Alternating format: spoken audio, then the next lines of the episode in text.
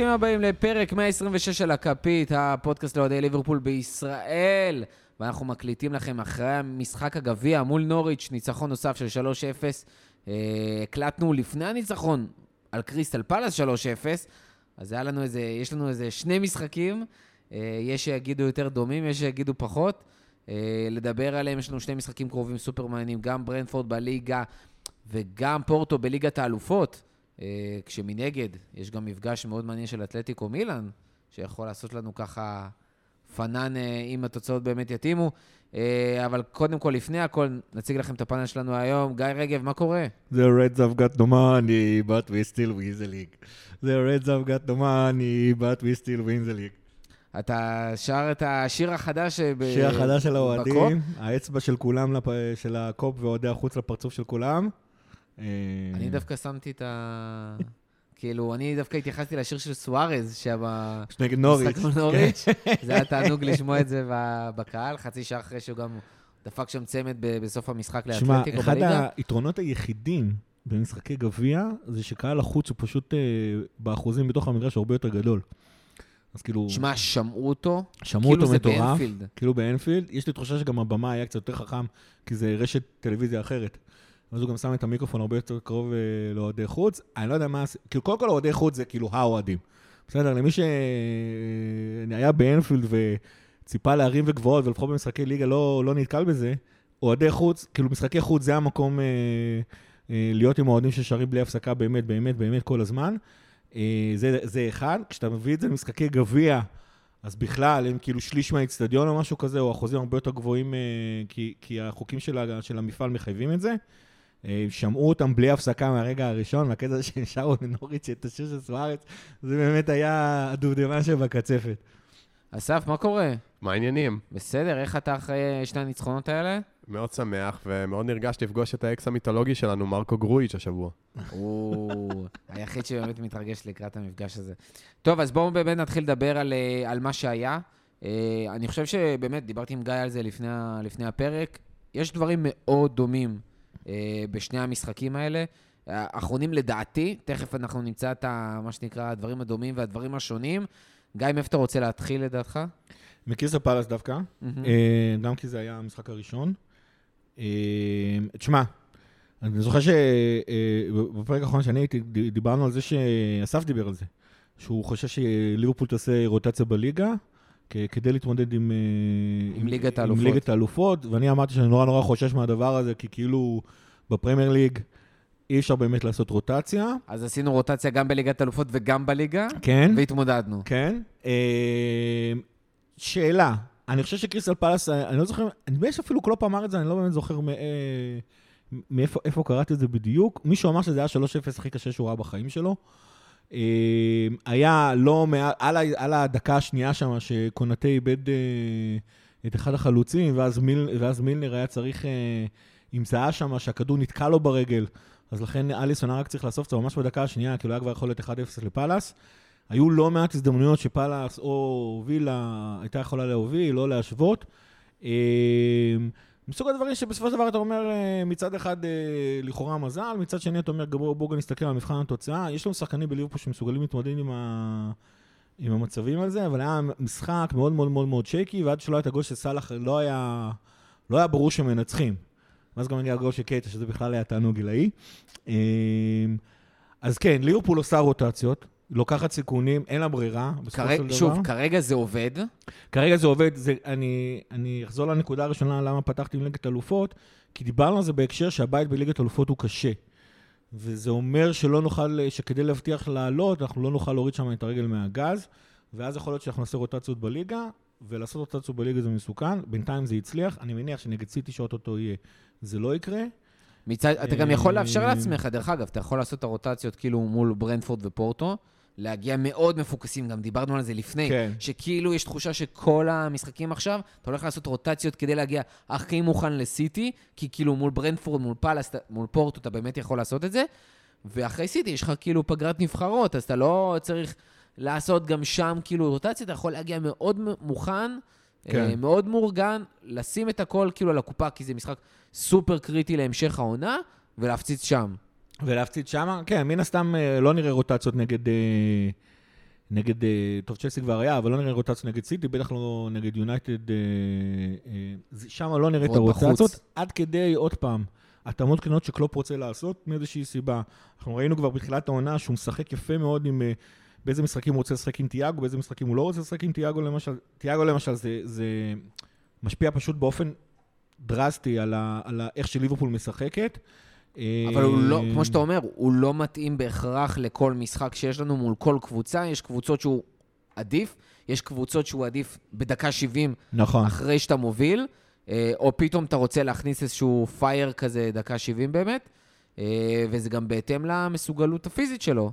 נכון, נכון, זה גם צריך לזכור שהוא אה, לא צעיר, וזה, כלל האצבע בעיקרון, כשקלופ מגיע למשחקים שהוא אומר, אני חייב לשלוט אה, במרכז השדה, כנראה שאנחנו נראה את תיאגו, זה כלל האצבע מאוד מאוד לא מדויק, כן? אה, לעומת זאת, במשחקים שהם רוצים שהם יהיו הרבה יותר דינמיים, הרבה יותר אה, ליברפול של אה, עונת 17-18, 18-19 כאלה, שכאילו היינו זורקים את הכדור קדימה כמה שיותר אה, מהר, שם לא נראה את תיאגו.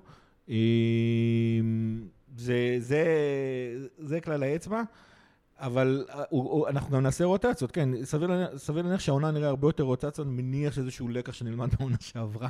עכשיו, אסף, גיא מדבר על הרוטציות ועל זה שכאילו היינו שייקים ועד הגול של סאלח. מצד שני, זה מרגיש כאילו בכל המשחקים האלה, אנחנו שייקים, אבל בכל המשחקים האלה, אתה מצליח להבקיע, אתה מצליח להבקיע לא מעט שערים, אתה גם לא מנצח אותם בשער, בשתיים. באמת 3-0 אחרי 3-0, גם אנחנו רואים מתחילת העונה את הכמויות שערים, את הכמויות מצבים. קצת, קצת מזכיר את ליברפול של לפני שנתיים של עונת האליפות, אה, שנקווה שזה באמת ימשיך כמו אותה עונה. כרגע זה באמת מרגיש ככה, ואפילו עם יותר שערים. אז קודם כל, זה לא רק השערים, זה באמת מה שהזכרת ממש במילה אחת, זה המצבים. נגד פאלאס היו לנו 25 בעיטות לשער. נגד לידס היו לנו 30 בעיטות לשער. דרך אגב, מול, מול נוריץ' היה לנו הכי מעט מצבים, שזה היה 23, אבל כמו 24. שמישהו אמר בפודקאסט של ליברפול ב- באנגליה, בליברפול, מול נוריץ' לא היית צריך כל כך הרבה מצבים. אה, מול קבוצות אחרות כן, ושם באמת הגענו ל-23, 30 מצ... משהו, משהו 23 מצבים, זה שעונה. שעברה באמת יכל להוציא מהדעת זה אה, שהרבה משחקים היינו מאוד תקועים. לא הצלחנו להגיע למצבים, לא רק מצבים איכותיים, אלא בכלל. לא בעטנו לשער, היינו מסיימים במשחקים עם 9, 10, 11 בעיטות לשער, ואני ממש זכור לי משחק מול סאוטהמפטון בחוץ, שהפסדנו 1-0 מגול של אינגס עונה שעברה, שפשוט החוסר יכולת לבעוט לשער יכל להוציא מהדעת. והעונה זה לא ככה, העונה אנחנו שוטפים את המגרש, שוטפים את הדשא, והיה... היו הרבה קצת חששות על ההתקפה, האם אנחנו מספיק אה, פרוליפיק, מה שנקרא באנגלית. נראה ש... שאין ממש, אה, מבחינת הייצור מצבים לפחות, וגם הניצול שלהם. אמנם אנחנו עם XG שלילי, כלומר היינו אמורים להבקיע יותר ממה שאנחנו הבקענו. אה, היינו אמורים להבקיע... אבל זה גם משהו שקורה טבעי, דרך אגב, בקבוצה שמייצרת כל כך הרבה מצבים. זה לאו דווקא, כי נגיד בעונו, בעונת האליפות ובעונה שלפני, שמבחינתי הייתה עונת אליפות פשוט בלי אליפות, אה, אנחנו הגענו ל-XG חיובי, כלומר הפקענו יותר ממה שהגענו אליו. אה, בשתי העונות האחרונות זה טיפה התיישר, וזה יכול לקרות. יכול להיות שפשוט החלוצים שלנו היו בכושר אה, חריג, ועכשיו זה קצת יורד, וזה בסדר, אבל אנחנו בסך הכל ההתקפה זורמת, וההגנה, אמנם, כן, היו רגעים שייקים בין טקה עם הקורה, ו... הוא אוהב, הוא אוהב לא להבקיע באנפילד, אז כנראה שזו הסיבה. אבל... הוא גם אוהב להבקיע באנפילד. כאילו... רק כשהוא במדים הלא נכונים. אה, אבל אה, אין ספק שהייצור מצבים מצוין, וגם ההגנה, בסך הכל ספגנו שער אחד, וגם הוא מפוקס באמת של הוורץ. ונראה נראה טוב, כאילו, יש אופטימיות. נראה טוב, אבל זה לא חלק כמו בעונת האליפות. זה חד משמעית. אני חושב דרך אגב, אני לא הרגשתי בעונת האליפות שזה היה חלק בכלל, כי היית מנצח פתאום 1-0, 2-1, 2-0. נכון. זאת אומרת, לא היה לך את התפוצצות, לא היה לך, הם לא התפוצצו. מצד שני, גם פה זה לא מרגיש לך כאילו מתפוצצים, זה מרגיש לך כאילו עושים את זה עד דקה 60, 70, כן צריכים לעבוד יותר קשה, אבל מסיימים את העבודה ואז תמיד יש איזה 15, רוב הזמן, 15-20 דקות לנוח, אבל אז היית בטוח שאתה, אין מצב שאתה סופג, כאילו ב-90% נכון. מהמשחקים, אין מצב שאתה תכבוש, גם אם איכשהו בטעות הם, אה, אנחנו, ליברפול סופגת. פה אתה מרגיש באמת הרבה יותר שייקי, ואתה מרגיש שאתה יכול, ועדיין אתה לא סופג. נכון, אז קודם כל חוץ זה ש- מצ'לסי, כמו שאני אוהב להגיד, בפוקס. כן, אבל גם צ'לסי בפוקס, זה היה גם רק אחד. אה, מצד שני, היו את אותן שתי הזדמנויות שעד עד עכשיו אני בטראומה מהן. אה, לא. אבל אני אגיד לך מה כן. היה אומנם את המשחק של סאוסמפטון, מתישהו בעונה שעברה גם היה איזושהי נקודה של ליברפול פתאום הגיע להמון המון המון מצבים, ועדיין הצליחה לשים... ברנלי בבית. ועדיין הצליחה לשים רק שער אחד, בעונה שעברה. היינו מגיעים להמון המון מצבים, אבל שהמצבים עצמם הם לא היו איכותיים. מצבים שגם אנשים שאוהבים סטטיסטיקות אה, כמוני וכמו אסף, ה-XG לכאורה היה נראה דומה, אבל זה היה XG משקר, כי זה, כי זה היה מסוג הדברים שה-XG לא בוחן, כמה, כמה שחקן היה צמוץ, אה, באיזה זווית הגיע. גם ה-XG פר שוט היה הרבה יותר כן, נמוך. כן. כאילו, נכון, ה-XG פר שוט מלכתחילה היה נמוך יותר, היה, כאילו, זאת אומרת, איכות המצב. גם כשה-XG עצמו היה מודד אותו, הוא היה אומר שהיא, לצורך העניין, ניתן לזה ציון 7, לא, לא הבעיה הייתה משנה. גם עונה שעברה, כמו אבל שאסף אומר, שבכלל לא בעטנו. זאת אבל אומרת, יצאו בפועל זה היו אבל לא מצבים של. ציון 5 מתוך 10, וזה כאילו, לא באמת מצבים שאתה באמת ציפית, היו מאוד הגבהות אה, אנמיות וצפויות, שהיה להגנה מאוד קל להתמודד עם החלוצים שלנו. אז השנה, המצבים יותר טובים, אבל עדיין אנחנו מצליחים להסתבך. זאת אומרת, אה, אה, נגד מילאן למשל, מחצית ראשונה, היה, היה כבר דקה 15, אפשר היה לגמור... צריך להיות 3-0. היה 3-4-0, צריך להיות שם בכיף, ואיכשהו זה לא קרה. אה, גם בגלל שאיכות המצבים היא לא ציונים של 9-10, אבל גם בגלל שאיכשהו הסיומת שלנו עונה לא טובה עד כדי סאלח. זה, זה, זה אחד, ואז אנחנו מסתבכים, שזה אחד הדברים שקרה נגד, שקרה נגד קריסטל פלאס. זאת אומרת, נגד קריסטל פלאס, למז, למזלנו, לא ספגנו, ונדבר על זה אולי קצת בהמשך, אבל, אבל כאילו, וזה קצת בעייתי. אה, מצד אחד. מצד שני זה כאילו תחילת עונה, הכל סבבה. זאת אומרת, בניגוד למשחק מול צ'לסי, שהיו הרבה דברים, ב, ב, שהדברים הגדולים לא עבדו, במשחק מול, מול אה, מילאן בוודאי, בטח במחצית הראשונה, במשחק אה, מול, אה, אה, מול קריסטל פלאס, לפחות האינטנסיביות חזר, השטף חזר, הזה, לא סיימנו מצבים. וזה גרם לנו לא להוביל 2-0 בשלב הרבה יותר מוקדם של המשחק, כדי להתחיל להוריד את הרגל מהגז, כמו שאנחנו אוהבים לעשות. וזה זה, זה קצת בעייתי. זה מחיר של הרוטציה, בסדר? זה, אני חושב שכאילו לפני כל משחק העונה, או לפני הרבה משחקים העונה, זה נראה כאילו אנשים יפתחו את הרכב ויגידו, מה? למה לא איטיאגו? למה לא, למה לא סאלח? למה לא טרנד? איפה, מה קרה? אה, למה אנחנו לא משחקים עם הרכב הכי חזק? הולכים לעונת הרוטציות. אנחנו הולכים, רוטציה ו- ואני כל העונה. ואני- ואני חושב ש- ואני חושב שבצדק, זאת אומרת, הנה, העונה הזאת ממשיכה להיות אינטנסיבית, הנבחרות ממשיכות לשחק שלושה משחקים בפגרה במקום שתיים, שחקנים יצטרכו לנוח. אה,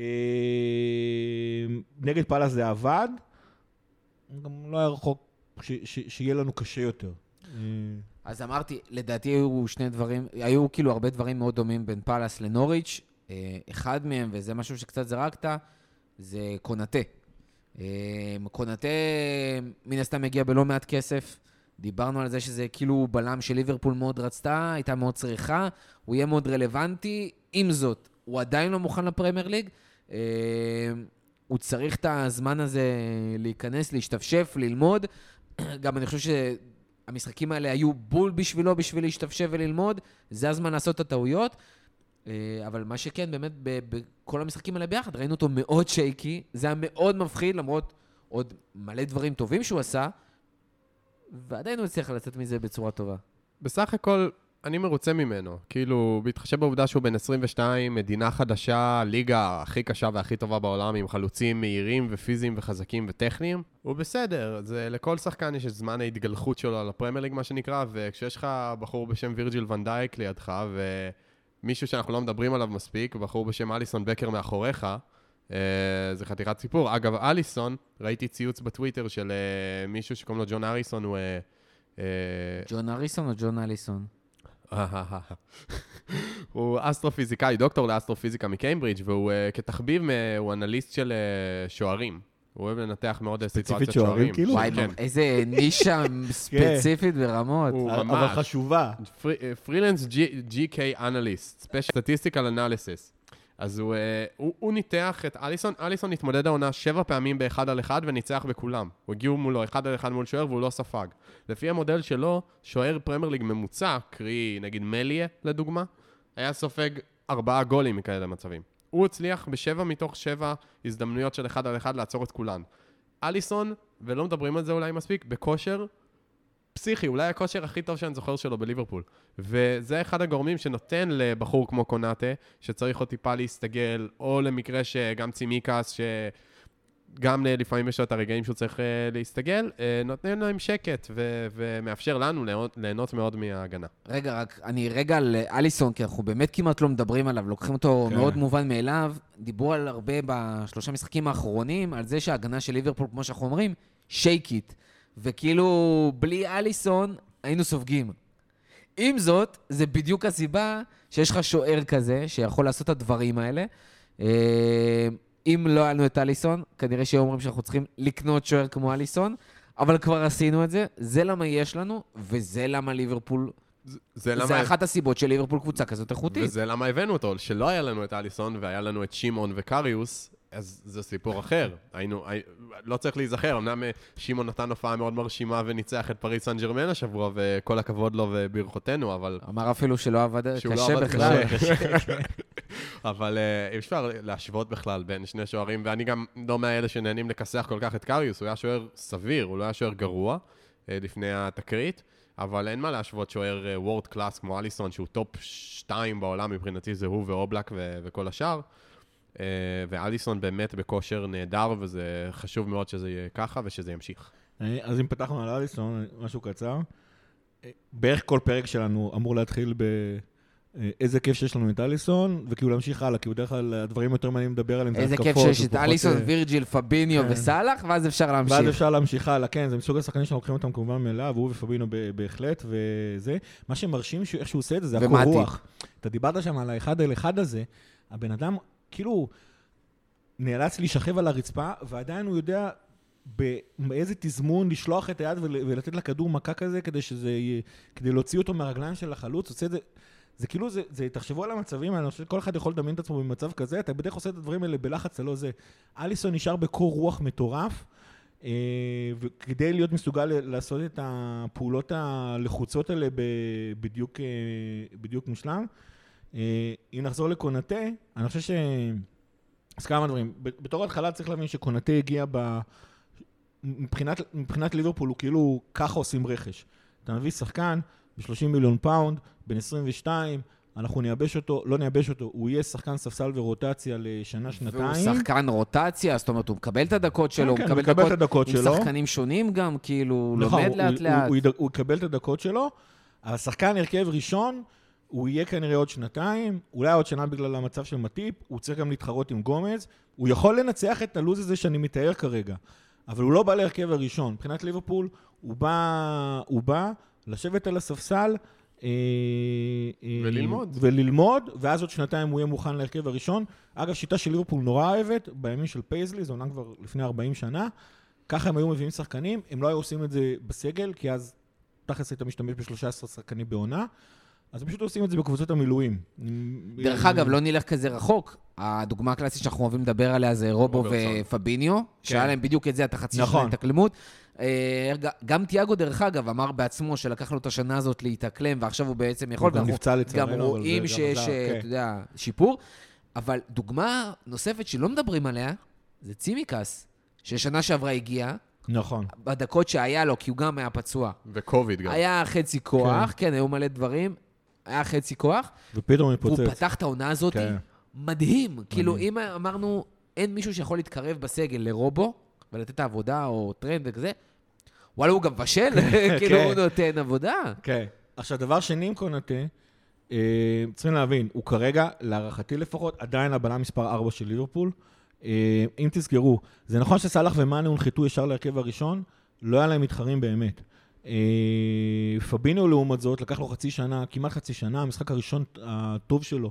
זה היה המשחק הראשון האמיתי שלו שהוא שחק ראשון. יונייטד. היה נגד. יונייטד. בבית. היה נגד יונייטד, שזה היה הטזבון גם להביא אותו, להכניס אותו להרכב והכל. זה היה מופע. היה מופע רציני, ומאז הוא לא, לא- אי אפשר היה להוציא אותו. מהרכב. בדיוק.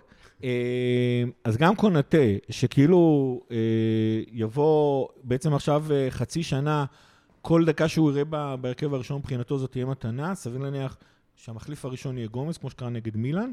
זאת אומרת, לא, לא תראו את קונאטה בלי וירג'יל כנראה, למרות נוריץ'. כן, לא, אני. אני דווקא חושב שאנחנו כן נראה אותו, אבל גם יש לא מעט הזדמנויות. ת- תכף עוד טיפה נדבר על נוריץ' ועל היריבה הבאה, אבל יש עוד מפגש בגביע, תראה את השמינית הגמר, גם שם הוא כנראה ישחק, אלא אם כן הרוטציות האחרות יקבעו אחרת, אה, ופציעות ודברים כאלה. עכשיו גם- רגע, אבל... דר- דרך אגב, גם מול פורטו, אני לא אופתע אם הוא ישחק, נו, כדי לתת מנוחה לבלם אחר לפני סיטי, כדי שווירג'יל לא יצטרך לשחק אה, כל שני משחקים, אה, וכמו שקרה מול מילאן, זה לא כזה הזוי.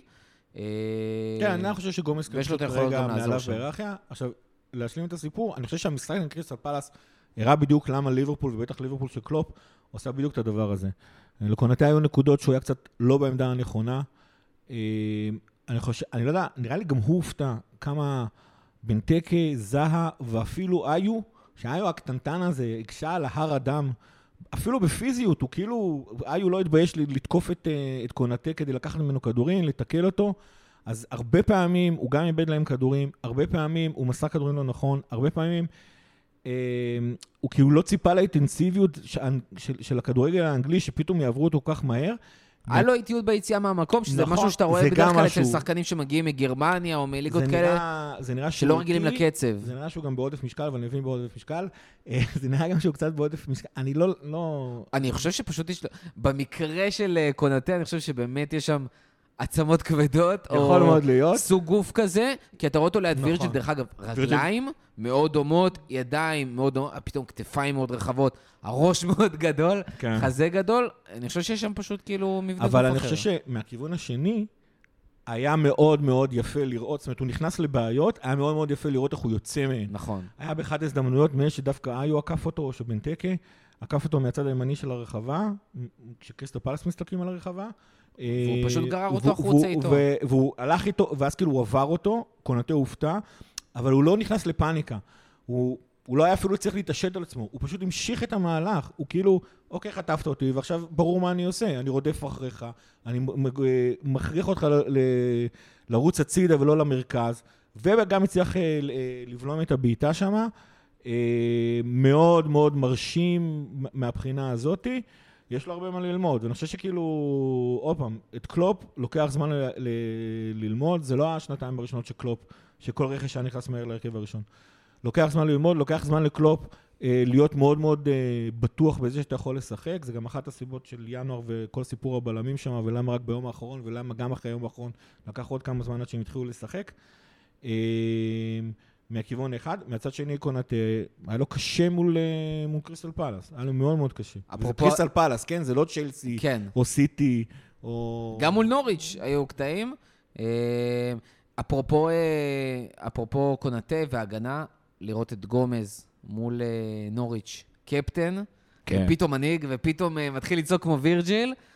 לא אומר שהוא וירג'יל, אבל היה תענוג לראות אותו ככה, היה תענוג לראות אותו. נחמד מאוד. תשמע, החלום של אה, קלופ ושל מרטין אדוארדס, אם הוא... של מייקל. אדוארדס, סליחה, בטח... גומז הוא יישאר, אה, וקונאטה. לטווח ארוך. שגומז וקונאטה יהיו הבלמים שלנו בעוד... אה, כשווירג'יל יפרוש. אני, החלום שלי שווירג'יל עוד יישאר פה כמה שנים טובות. כן, זהו, אה, אבל אה, בסופו של דבר זה- בכושר. זה- זה המטרה, זו המטרה. ונעבור מהגנה להתקפה. אה, כבר בפאלאס, אוקיי, לפני פאלאס, דיברנו על כל עניין הרוטציה, ועל זה שלא הגיע שחקן להתקפה, ואיך אנחנו נצליח להביא X factorים ודברים כאלה. אני אמרתי שאני רוצה סוג אחד. רותם אמר שקייטה זה אחלה X factor, כי הוא משחק לך את המשחק, ואז קייטה מגיע ודופק את השער הזה קייטה עושה קייטה. מול קריסטל פאלאס, אה, ולא יודע ואז- אפילו איך לחגוג. ואז בועט בדשא ונפצע. כן, אבל לא יודע אפילו איך לחגוג אה, מרוב שהוא לא כובש שערים, ומרוב שהוא היה מאלה מהשער הזה ועוד ברגל שמאל. בנוסף, מול נוריץ', פתאום אנחנו רואים את אוריגי. אה, כן, אסף, אני פונה אליך, כי אני יודע כמה אתה- אוהב את אוריגי. יושב ראש אה, איגוד אוהדי אה, אוריגי. בישראל. ורואים את מינמינו שם צמד, נכון? לא טועה? צמד.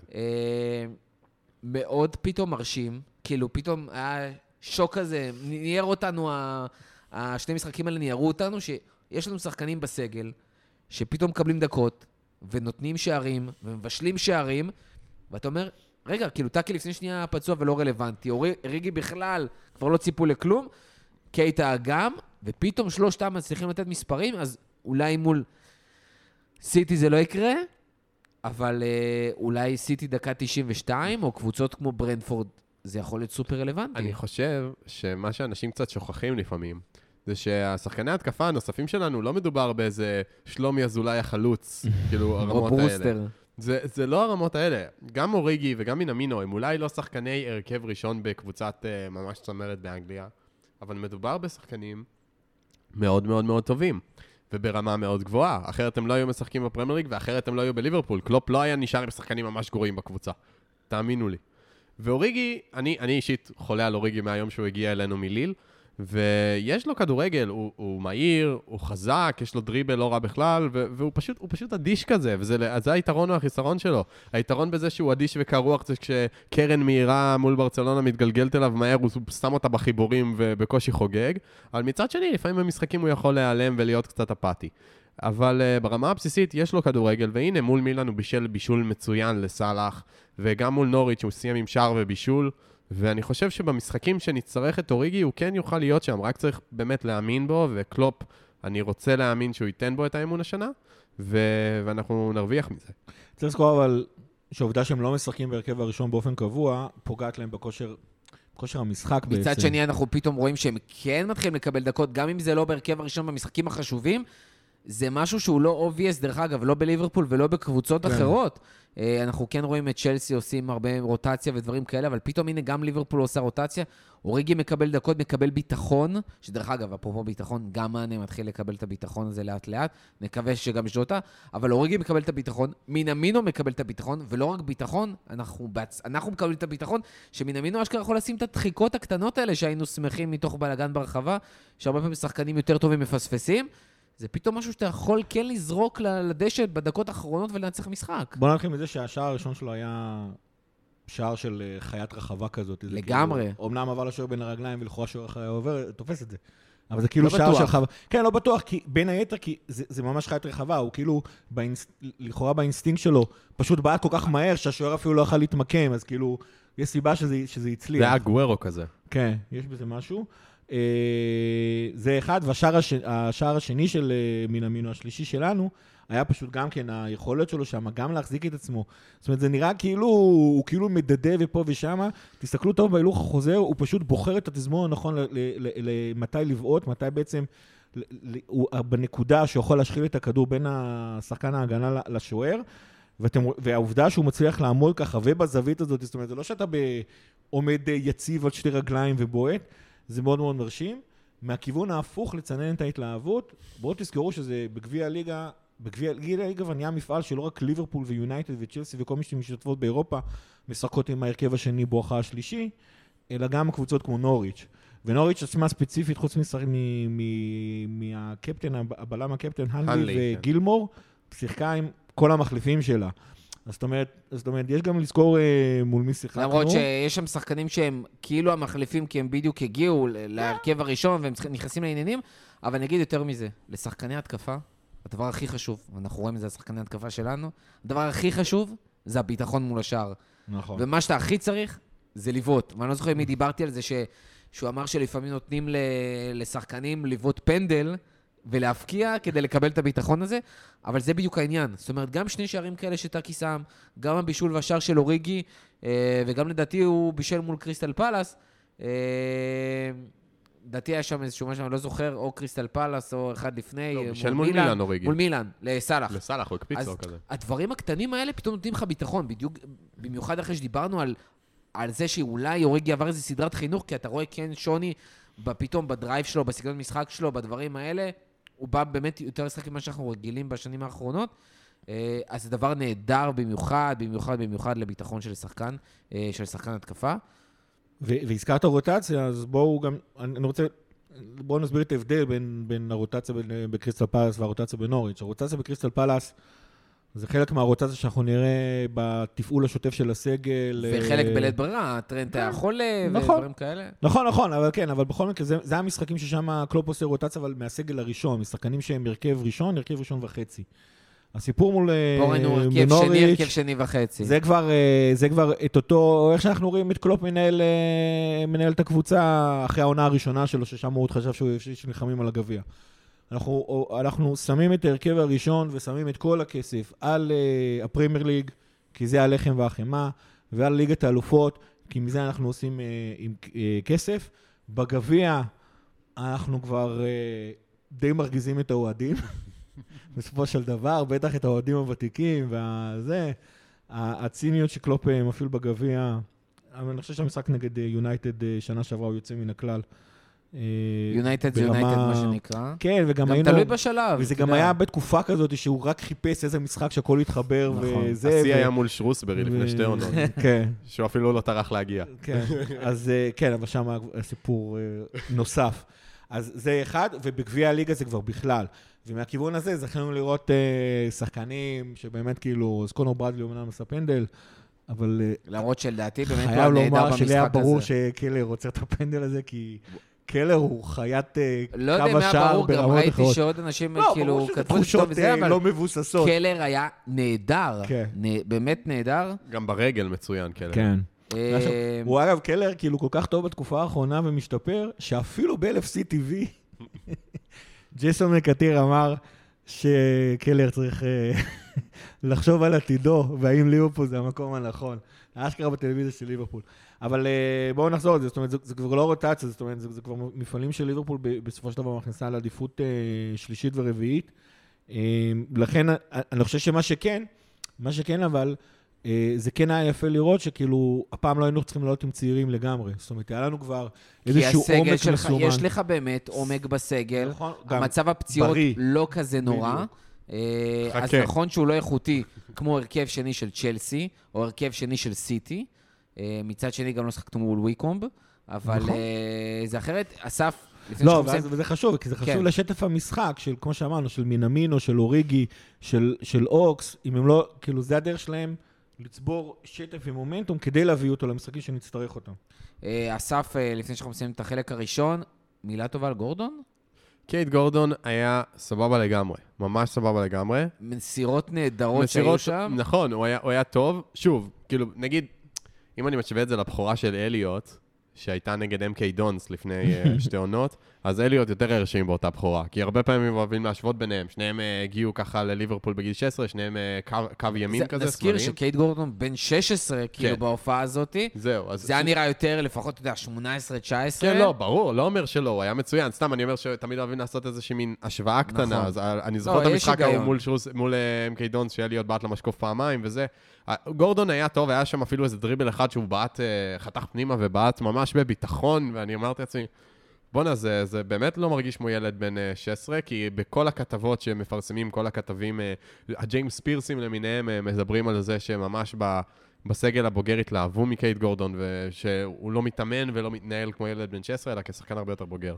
אני מאוד נהניתי ממנו, וגם אה, מהבחור הנוסף שעלה מהספסל, אה, טיילר מורטון, נראה לי מורטון. קוראים לו, גם היה סבבה לגמרי. שינה את המשחק במחצית השנייה, כאילו...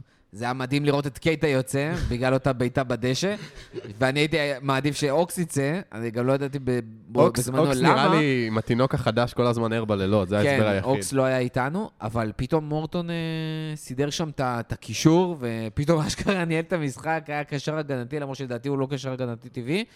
זה היה נהדר לראות. אה, אגב, אני לא יודע מה מצב הכשירות של השחקנים, אבל יש שניים שאמורים להיות לפניו, יש את קיין ועוד אחד שנשכחתי את השם שלו כרגע. קלרקסון אבל הוא בהשאלה. אז הוא בהשאלה, אוקיי, אבל כן. אני חושב שקיין עדיין ב- כן, באקדמיה, נבדוק. והוא יש אמור שם גם להיות את דיקסון לפניו. בונר, אבל... אה, ו- ו- והם אמורים להיות לפניו. שמע, יכול להיות בונר קדמי, אבל. זה- גם מורטון לא קשר אחורי, הוא קשר 50-50. אז אם, אם הוא נכנס להרכב, יכול להיות ש... זאת אומרת, עוד פעם, אבל אי אפשר לא- לדעת, כן. לא מתיימר להיות. עד כדי כך מבין בכדורגל כדי להסתכל על ילד בן הסיפ- 16 הס- ולדעת מה הוא יהיה. דרך אגב, הסיפור אבל- עם מורטון... אבל עצם זה שהוא עקף בהיררכיה מישהו, יכולה לא, להעיד עליו. אה, ג'יי קיין בהשאלה בניופורט. אז- הוא לא עבר אף אחד, הוא אתה לא אומר. אמר אף אחד. לא. למי שזה, מורטון, אה, דרך אגב, אה, שיחק במשחק הזה, כשהוא שיחק העונה שלושה משחקים בלבד באנדר 23. כאילו, הוא עלה בקיץ לאנדר 23, לדעתי הוא בן 17 או משהו כזה, אה, 17 או 18. זה ממש שלושה משחקים ראשונים. במה שנקרא קבוצה, לא למילואים, כבר אין את המילואים, אבל הקבוצה הצעירה הבוגרת, הבכירה, אה, קבוצה צעירה, כן? ו... והוא באמת נתן יופי של דקות, אז אולי יצא מזה משהו, אם זה מכירה, אם זה שחקנים, אם זה כאילו לא, משחקים יש טובים. רכבת של ליברפול מנסה אה, לנהל. מעניין כאילו- מאוד. מורטון לא בדיוק ברכבת הזאת, אבל יכול להיות שנראה ממנו דברים יפים. אה, בואו נסיים את החלק הזה, נחתום אותו. אה, רק נגיד שבאמת המשחק הבא הוא נגד פרסטון אנד, עם אה, נורטנד. עם נורטנד, עם אה, ג'ינג'י חברנו. ספ ונדרברג. אגב, ש- אחת הקבוצות המקצועניות הראשונות. באנגליה. באמת, כאילו, כאילו. אז יהיה מפגש מעניין. אה, סיטי במקביל פוגשת את אה, וסטהאם, שזה קצת התבלבלו- מפתיע. התבלבלו בכדורים. בינינו בכדורים החמים. הם היו קרים הפעם. אז אה, זה, אז נעבור לחלק השני, ושם נדבר על פורטו וברנדפורד ודברים נוספים לסיום. ואנחנו עם החלק השני של פרק 126 של הכפית, ועכשיו אנחנו רוצים לדבר על שני המשחקים הקרובים שלנו. מול ברנדפורד בליגה ביום שבת, אה, ופורטו ביום שלישי. שני משחקים אה, שכביכול לא הכי קשים, עם זאת, כן מורכבים, שכמו שדיברנו בחלק הראשון, אנחנו כנראה הולכים לראות רוטציה, ועכשיו אנחנו נדבר גם על איזה קבוצות אנחנו נפגוש, גם על איזה רוטציה אנחנו חושבים או משערים שתהיה. אה, גיא, אתה רוצה להתחיל עם ברנדפורד? נתחיל עם ברנדפורד. ברנדפורד, אגב, זה סיפור מאוד מאוד מעניין. אה, היא שאתה כאילו- מאוד מתחבר אליו. שאני מאוד אה, אוהב אותו, באופן כי- אישי. באופן אישי, כי קבוצת ההייטק של, ה... של, של, של בכלל, של כל הליגות. זאת אומרת, אנחנו מדברים פה על, סדר, על קבוצה קטנה, סדר גודל של בורנמוס, משהו כזה, והדרך שלהם אה, בעצם אה, אה, לתת לעצמם יתרון על פני קבוצות אחרות, זה לא לשחק עם כולם באותה משחק. גם הם עושים סוג של מאני ליג. אח- אחד, אבל הם בנוסף לזה, הם מאוד מאניבול. מאוד, מאניבול, סליחה, והם מאוד מאוד מאמינים ב, גם באנליסטים, גם באנשי דאטה, מערכת הסקאוט שלהם מאוד מאוד מתוחכמת. אה, והסיפור היותר מעניין אצלהם זה שהם גם אה, ביטלו את, אה, את האקדמיה, כי הם הצליחו להראות שבגלל שליברפול קונה שחקנים כמו הרווי אליוט וקייט גורדון בשתי מיליון כשהם בני 16, אז אקדמיה לקבוצות קטנות פשוט לא רווחית. והם מחזיקים קבוצה ב' שכל מה שהיא עושה זה לשחק משחקי ידידות. היא אוספת המון המון ריג'קטים של, של שחקנים בני 19-20 כדי להביא אותם, כדי לשחק באותה קבוצת ב' ומגדלים אותם. זאת אומרת, היא בכלל לא נמצאת בשום ליגה מקצועית, אלא מארגנת הקבוצה כל מיני הבוגרת, משחקי, כן, היא מארגנת כל מיני משחקי ידידות, אה, לא רשמיים, ששם הם פשוט, הם מייצרים ליגה משלהם של משחקי נכון. ידידות. עכשיו, בקבוצה הבוגרת הם כמובן, משת... כל הרכש שלהם והסקאוטים שלהם, אמנם זה ריג'קטים, אבל הם מביאים ריג'קטים מסיבות טובות, זאת אומרת, גם להם יש מערכת דאטה מאוד מאוד מורכבת, הם מביאים שחקנים מאוד מאוד ספציפיים, שהם רואים בהם איזה כל היהלומים האלה שהם רואים, אבל אחרים לא. מה שמייקל אדוארדס עושה עם אה, מערכת ה scouting של ליברפול, גם הם עושים בעצמם. אה, והם עושים את זה, אגב, מאוד מאוד טוב, ברמה מאוד מאוד גבוהה. אין להם את היכולות הכספיות, אז אפילו גם יותר קשה, כי הם צריכים אה, למצוא את כל השחקנים שעולים 1 מיליון, 2 מיליון והם טובים. והם גם מביאים את, ה, את, השיטה, את השיטה הזאת גם לקבוצה הבוגרת, אוקיי? שיטות האימון שלהם כמובן מאוד מאוד מתקדמות, משהו כמו, בסדר גודל של אותו סיפור כמו הופנהיים והקבוצות של רדבול, וגם מערכת האנליזה שלהם מאוד מאוד טובה, זאת אומרת, הם יודעים מאוד מאוד להתאים את עצמם למשחקים של קבוצות אחרות, זה כנראה אחת הסיבות שהם עם המון המון אה, שערים נקיים אה, אה, בקבוצה. כאשר השחקן ההתקפי הראשי שלהם, אה, אייבן טוני, ששנה שעברה פירק את כל הצ'מפיונשיפ, אה, חווה עכשיו איזשהו שכר לימוד בזה שעולה לפרמייר ליג, אבל זה נראה שגם זה, שזה יקרה מתי, זאת אומרת, היה איזה משחק אחד של ברנפורד שאשכרה אה, ישבתי ועוד את אחת המחציות, הוא כל הזמן פעיל, הוא כל הזמן עובד קשה. אה, למזלנו, ליברפול לא מתרגשת, כן, כי יש לנו את אה, וירג'יל ומטיב וגומז וקונטה. וזה דווקא הדברים שהכי נוח לנו להתמודד איתם. בדיוק, שלא מפריעים אותם, אבל אייבן טוני, הזה הוא לא, הוא לא כאילו בלם חזק, סליחה, חלוץ חזק נקודה, הוא גם מאוד מאוד טכני, הוא מאוד מאוד חכם, המיקום שלו נהדר. צריך נורא נורא להיזהר מהשחקן הזה, אבל הוא יודעת להתמודד עם הדברים האלה. הקטע הוא שהתחקור הזה של, אה, של, אה, של ברנדפורד עלול לגרום לנו להמון המון המון בעיות. זאת אומרת, הם ידעו יפה מאוד לנצל את החולשות שלנו, גם בהגנה, גם בהתקפה. יהיה לנו מאוד מאוד קשה אה, אה, לפרוץ אותם. יהיה מעניין, אבל מהכיוון ההפוך. זאת אומרת, אה, אוהדים שאוהבים לראות המון המון אירועים, וזה אולי קצת פחות יתחברו לדבר הזה. אבל המדע הזה שנכנס לאט לאט לתוך, ה, לתוך הכדורגל עובד. זאת אומרת, אנחנו לא מדברים פה על סטטיסטיקות אה, אה, פשוטות כמו מספר מצבים, החזקת כדור ואפילו לא XG. יש כאילו, אה, אה, לקח המון המון זמן ל- ללמוד איזה סטטיסטיקה באמת רלוונטית לכדורגל כדי לנצל אותה, אבל זה כן קרה בחמש, עשר שנים האחרונות, וקבוצות יודעות להסת... גם לאסוף את הנתונים וגם להסתכל על נתונים מאוד מאוד אה, ספציפיים שלא חשופים לנו לאוהדים, ולכן זה נשמע לנו הרבה פעמים כמו בבלת. אבל אתם תראו קבוצות כמו ברנדפורד, כמו הופנהיים, שפשוט... מק- מיטשילנד מק- גם. כן, מיטשילנד גם, מקפיצות את עצמם שתיים, שלוש רמות ממה שהן שוות באמת, וברנדפורד מהבחינה הזאת היא מאוד מאוד מסוכנת. דרך אגב, ברנפורד פתחה את העונה הזאת יחסית טוב לעולה חדשה. גם בניגוד לשתי הקבוצות האחרות, למרות שווטפורד לא רחוקה ממנה, יש תחושה שאין כנראה השתיים שגם ירדו חזרה, והיא עם הסיכויים הכי גבוהים בפער להישאר. הדבר, דיברת על ה... שהיא תדע לנצל את היתרונות והחסרונות, אני דווקא חושב שהחלק הכי... היתרון העיקרי שלהם הולך להיות במשחק הזה, זה משחק ההגנה שלהם, שהם פשוט יודעים לסגור גם מאוד טוב כשהם רוצים. אה, דיברתם על זה לפני הפרק, שהם, האם הם 3-5-2 או 5-3-2, כן, זה לא באמת ככה או. ככה, הם יכולים לשחק עם שבעה שחקנים מאחורה, וגם עם חמישה שחקנים יודעים לעמוד יפה מאוד אה, ולבלום את ההתקפות שלנו. אנחנו גם יודעים איך, מצד אחד אנחנו מאוד אוהבים לשחק אה, מול שלושה בלמים, מצד שני כששמים שלושה בלמים מול שלושה שחקני התקפה שלנו, ושני שחק... ווינגבקים על שני השחקני, על שני המגנים שלנו, זה קצת תוקע לנו את משחק ההתקפה, כי הוא בדרך כלל עובר מהאגפים ולא מהקישור. אה, האם הם הולכים להיות יריב כזה קשה? אני לא בטוח, אגב, זה מה כנראה ששפילד שלא. הייתה עושה לנו המון המון פעמים. נכון, יש לזכור, השיטה של ליברפול דווקא בנויה כן אה, להצליח. זאת אומרת, דווקא בזה שאנחנו משחקים אה, משחק מהיר ולכאורה לא חושב, זה כן יכול לעזור לנו להביא איזה שער אה, מהיר בדקות הראשונות, ואז לעשות לנו את החיים הרבה יותר קלים.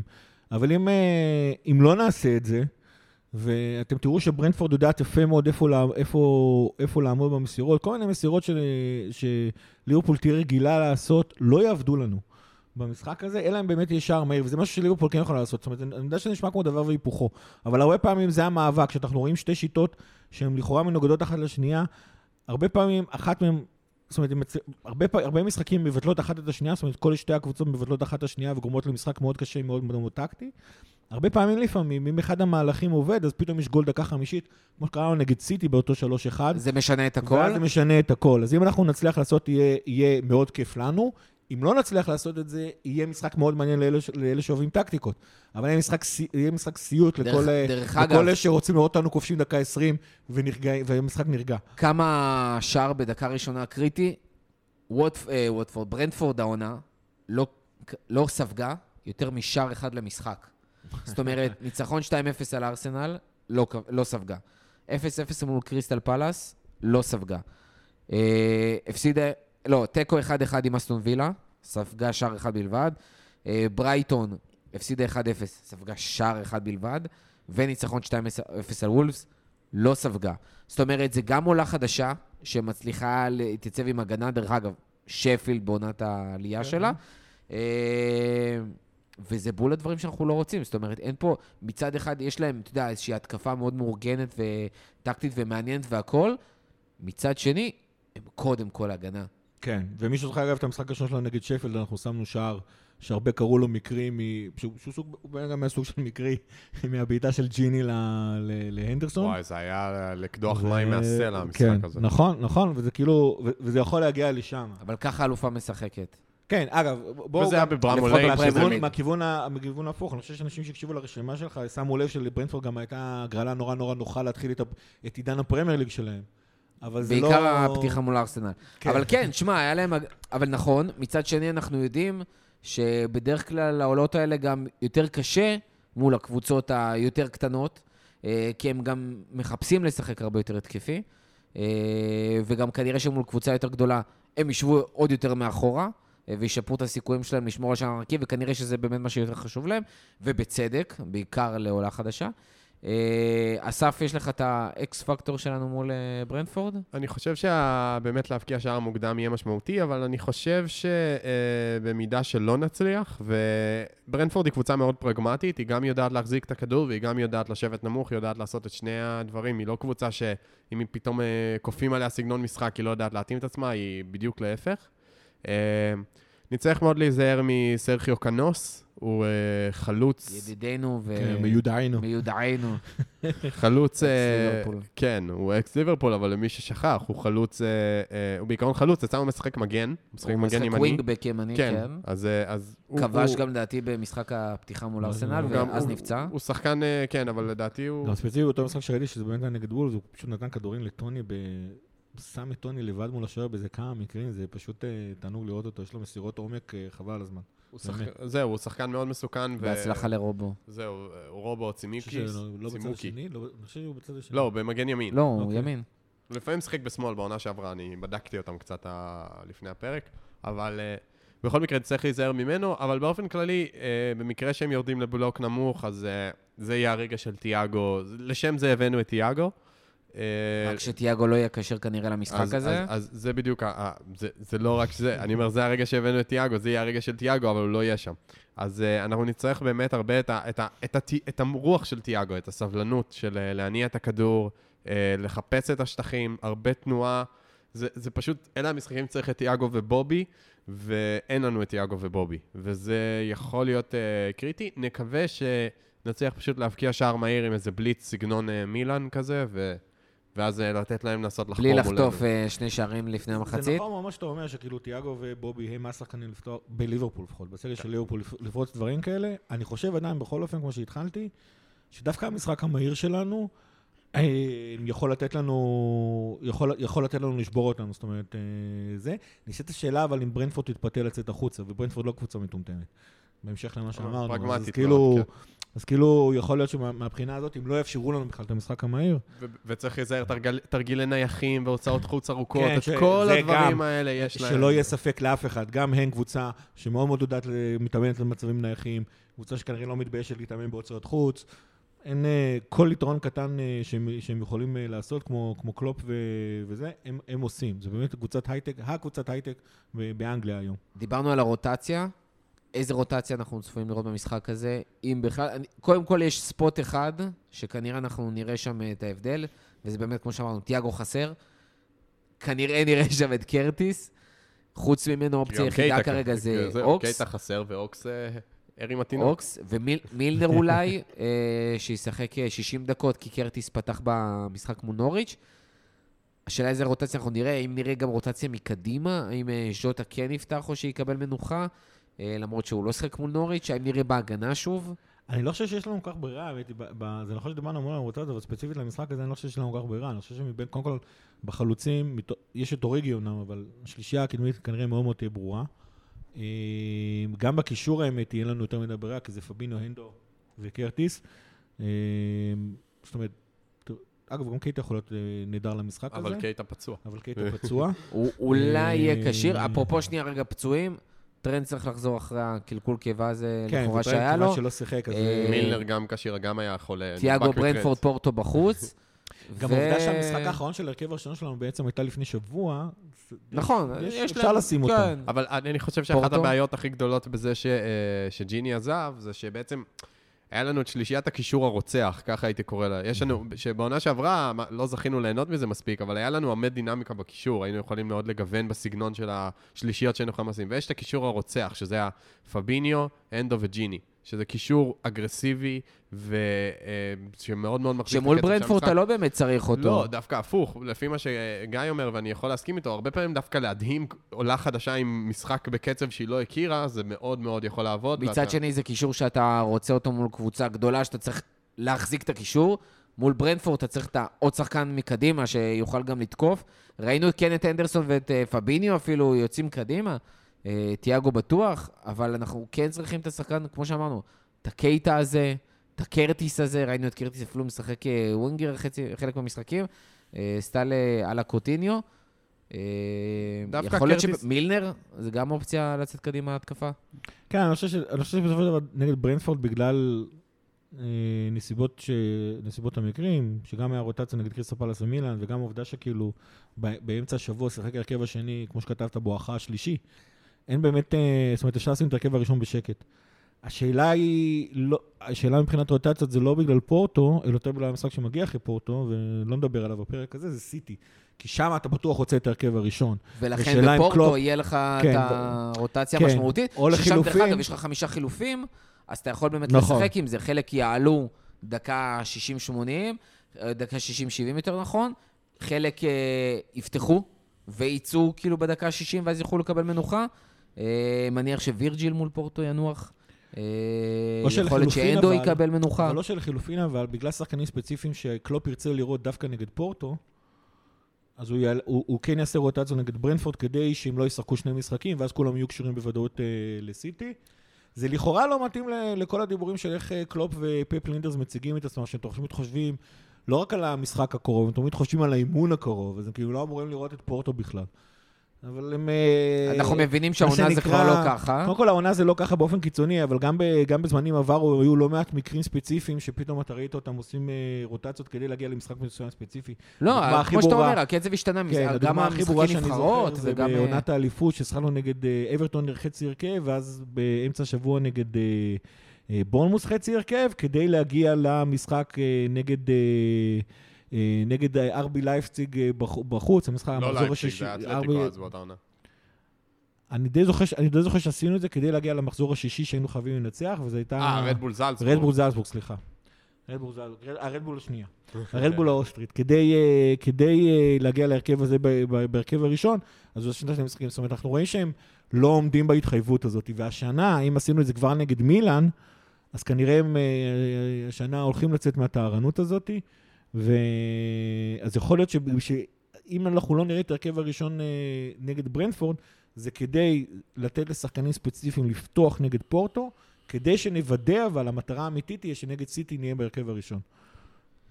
טוב, אמ, דיברנו על, אה, בעיקר על ברנדפורד מול פורטו. דרך אגב, אני חושב שאנחנו נראה משהו לא רחוק מברנדפורד, גם במשחק ההגנה, גם ביציאות שלהם קדימה, אולי המערך שם קצת שונה, אבל גם האינטנסיביות אחרת.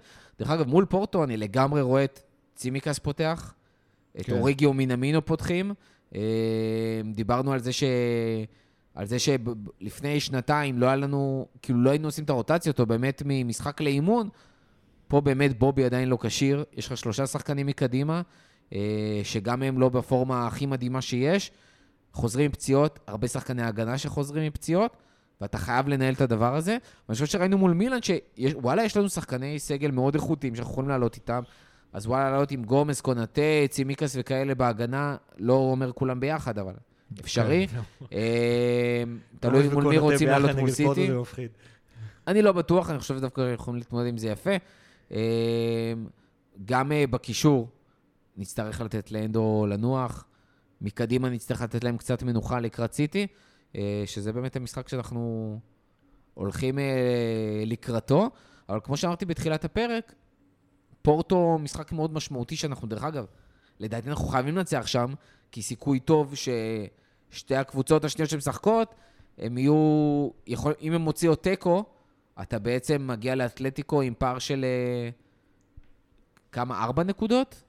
אה, אם אתה עם שש והם עם אה, אפילו חמש, לדעתי הם הפסידו במש- במשחק הראשון, נכון? מי, אתלטיקו? אתלטיקו לא, היה שם תיקו, היה תיקו, תיקו 0-0. תיקו. אז אם יש תיקו, הם מגיעים, אתלטיקו מגיעה עם שתי נקודות, מילאן מגיעה עם נקודה למחזור השלישי. אה, למה? ושאז- מילאן מגיעה עם 0. לא, אם יש תיקו במשחק אה, הקרוב. כן, כן, למחזור היא השלישי. מגיעה עם אחד, כן, כן.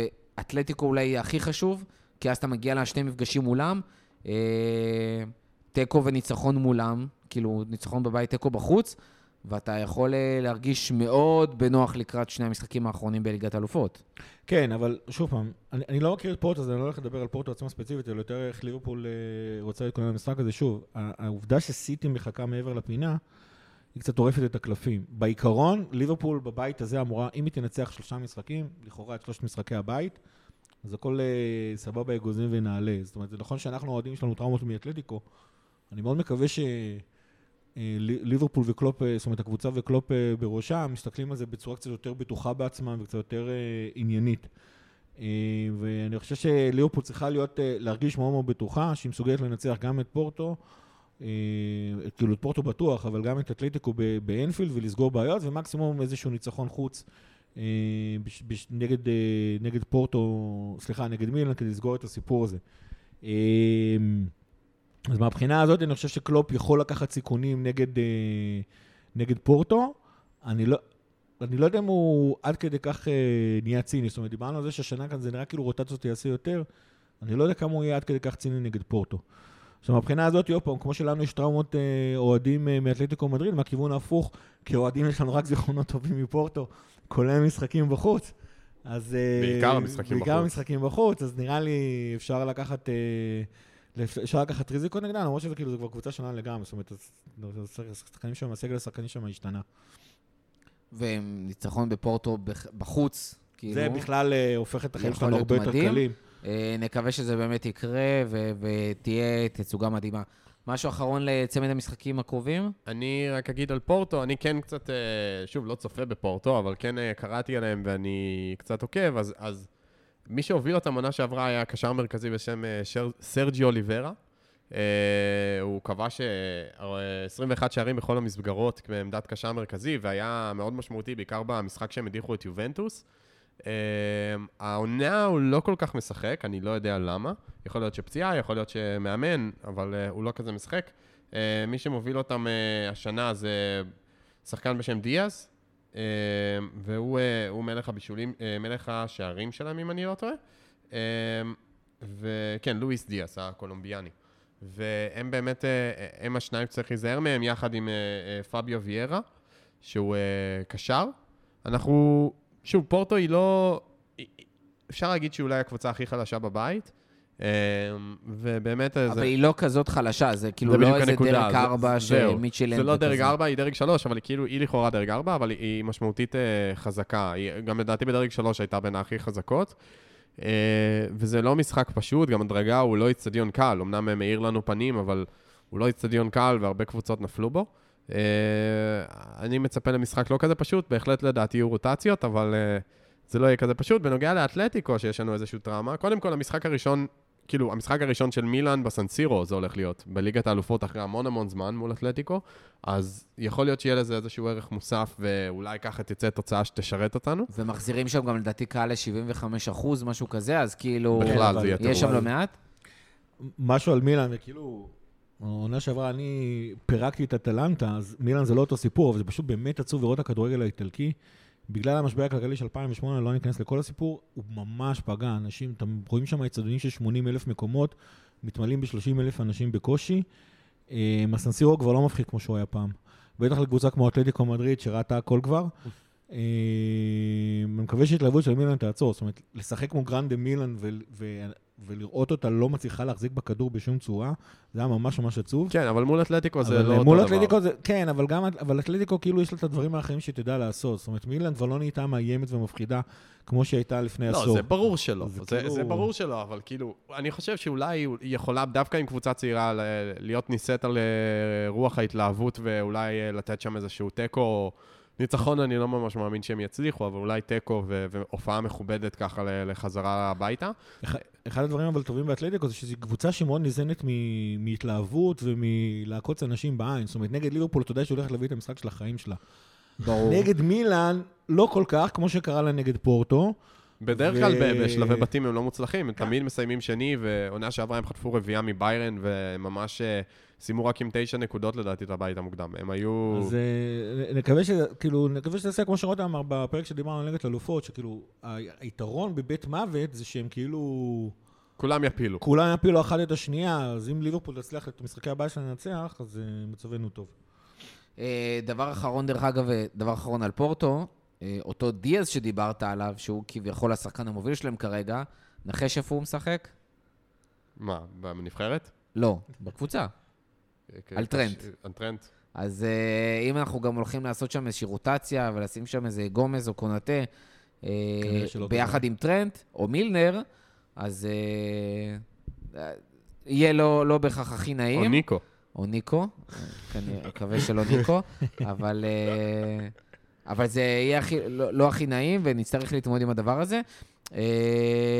וזהו, לפני שאנחנו מסיימים, גיא, דבר נוסף שאתה רוצה להוסיף?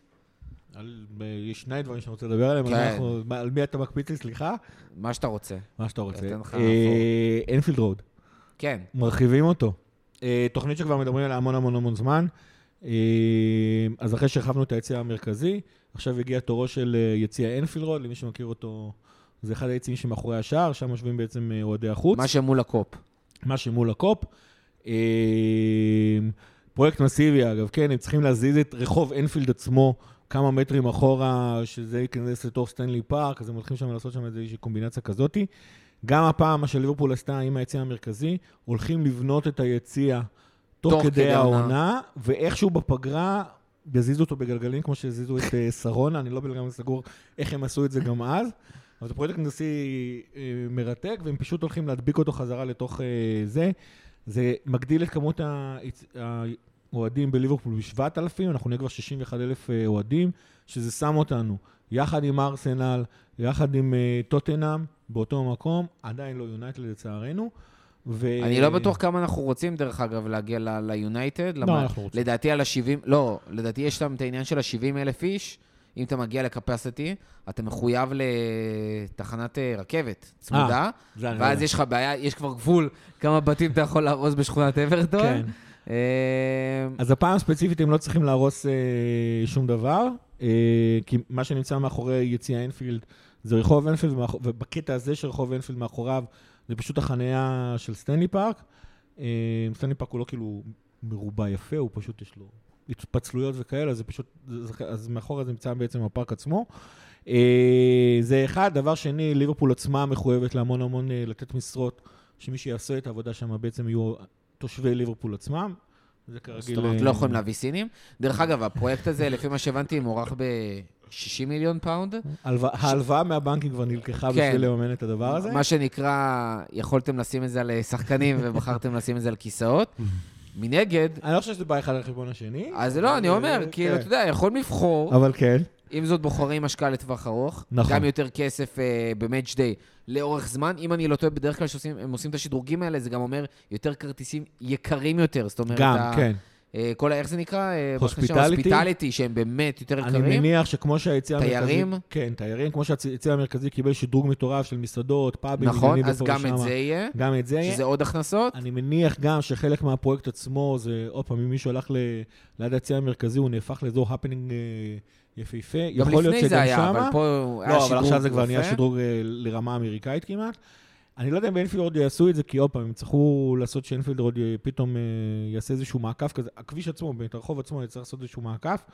אז אני לא יודע כמה הם יכולים לעשות שם, אבל, אבל, אבל יכול להיות שגם כן הם אה, יכניסו אותו, אז, אז כן יהיה שדרוג, כמו שאמרת, כרטיסים יותר גדולים, זה אפשר יותר לאוהדים. שאלה למי הם יחלקו, אם יגדילו את כמות המנויים, האם הם ייתנו יותר לחוגי אוהדים ו- וכאלה את הכרטיסים האלה.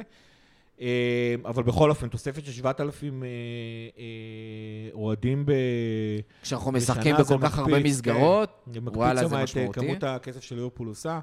ושוב, זה הדבר אולי הכי חשוב בכל הפרויקט הזה של ליברפול, כן. שהמועדון ידע להרוויח יותר כסף באופן שוטף, בלי קשר. לבעלים, וזה בדיוק מה שהם משקיעים פה. דבר נוסף? אני לא אוהב לדבר על מנצ'סטר יונייטד, אבל מנצ'סטר יונייטד היא ספציפית הקבוצה שתמיד מדווחת את הדוחות הכלכליים שלה הראשונה, כי היא נסחרת בבורסה, בניגוד לליברפול שהיא סתם חברה פרטית. אה, אז יונייטד בקטע מוזר, ההכנ- ההכנסות שלה מ-19-20 לעונה שעברה לא קטנו באופן משמעותי, יש לזה סיבה אחת אבל, הם חזרו להשתתף בליגת האלופות, ומשום מה הכסף שהם קיבלו זה מהפרמייר ליג. זאת אומרת, זה התאזן, זאת אומרת, כן. היו ירידות מצד אחד והכנסות מצד שני. נכון. אה. ומשום מה גם ההכנסות שלהם מהפרמייר ליג עלה באופן דרסטי. הסיפור שאני, כן- הסיבה שאני כן מדבר על משהו יונייטד, כיוון שזה דוחות רשמיים סוף כל סוף, ראשונים על עונת 20 ו-21, זה מאפשר לנו הצצה לכמה כסף מפסידים, או יותר נכון הפסידו הקבוצות בגלל הקורונה, ויונייטד ספציפית. למרות ששוב, ש- זה מאוד משתנה נכון. כאילו באיך העסק בנוי. זה נכון. לא נכון לאותה אז יונייטד ספציפית הפסידה 130 מיליון פאונד אה, בגלל הקורונה, ירידה בפעילות מסחרי, ירידה בעובדה ש-70 אלף אוהדים לא באו ל- ל- למשחקים שלהם. אה, ליברפול הולכת לחטוף בומבה רצינית אה, אה, נוספת. אה, אגב, ספציפית, כיוון שיונייטד, כמו שאמרה, לא נפגעה מהקורונה כי, הוא דבר, כי היא חזרה לליגת האלופות. זאת אומרת, היא נפגעה מהקורונה, אבל זה התאזן לה עם זה שחזרה לליגת האלופות. זה מסביר למה, למה יונייטד כן היה לה את היכולת הכלכלית להביא שחקנים. אה, גם בעונה שעברה, שהשכר שם אגב קפץ ל-320, שזה כמו ליברפול, וגם לעונה הקרובה, בטוח כבר וגם לעונה עבר. הקרובה, שהם ידעו שגם הקהל חוזר, זאת אומרת, הם יודעים שהם בליגת אלופות, יודעים שהקהל חוזר. זאת אומרת, מ-19-20 שהייתה טראומטית בה הם הרוויחו 500 מיליון פאונד, פה הם רוצים להרוויח יותר. הם פתאום יודעים שהם דרך אגב, חוזרים, גם הם הביאו יודעים שהם שחקנים מכניסים חוזרים, עם מרץ'. נכון, הם יודעים שהם חזרו ל-650. שחקנים, בוא.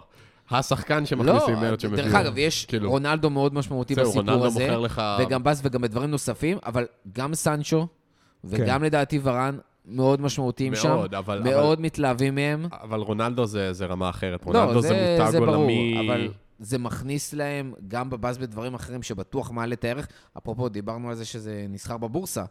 כן, המניה בטוח עלתה. משמעותית. אה, אסף, משהו לסיום? תביאו את גרויץ'. להביא, להביא, שישחק? או לא, ש... לא, תביאו אותו כדי שנזכיר לו מאיפה הוא בא. מאיפה הוא בא. טוב, אז תודה רבה לכל מי שהיה איתנו עד הסוף.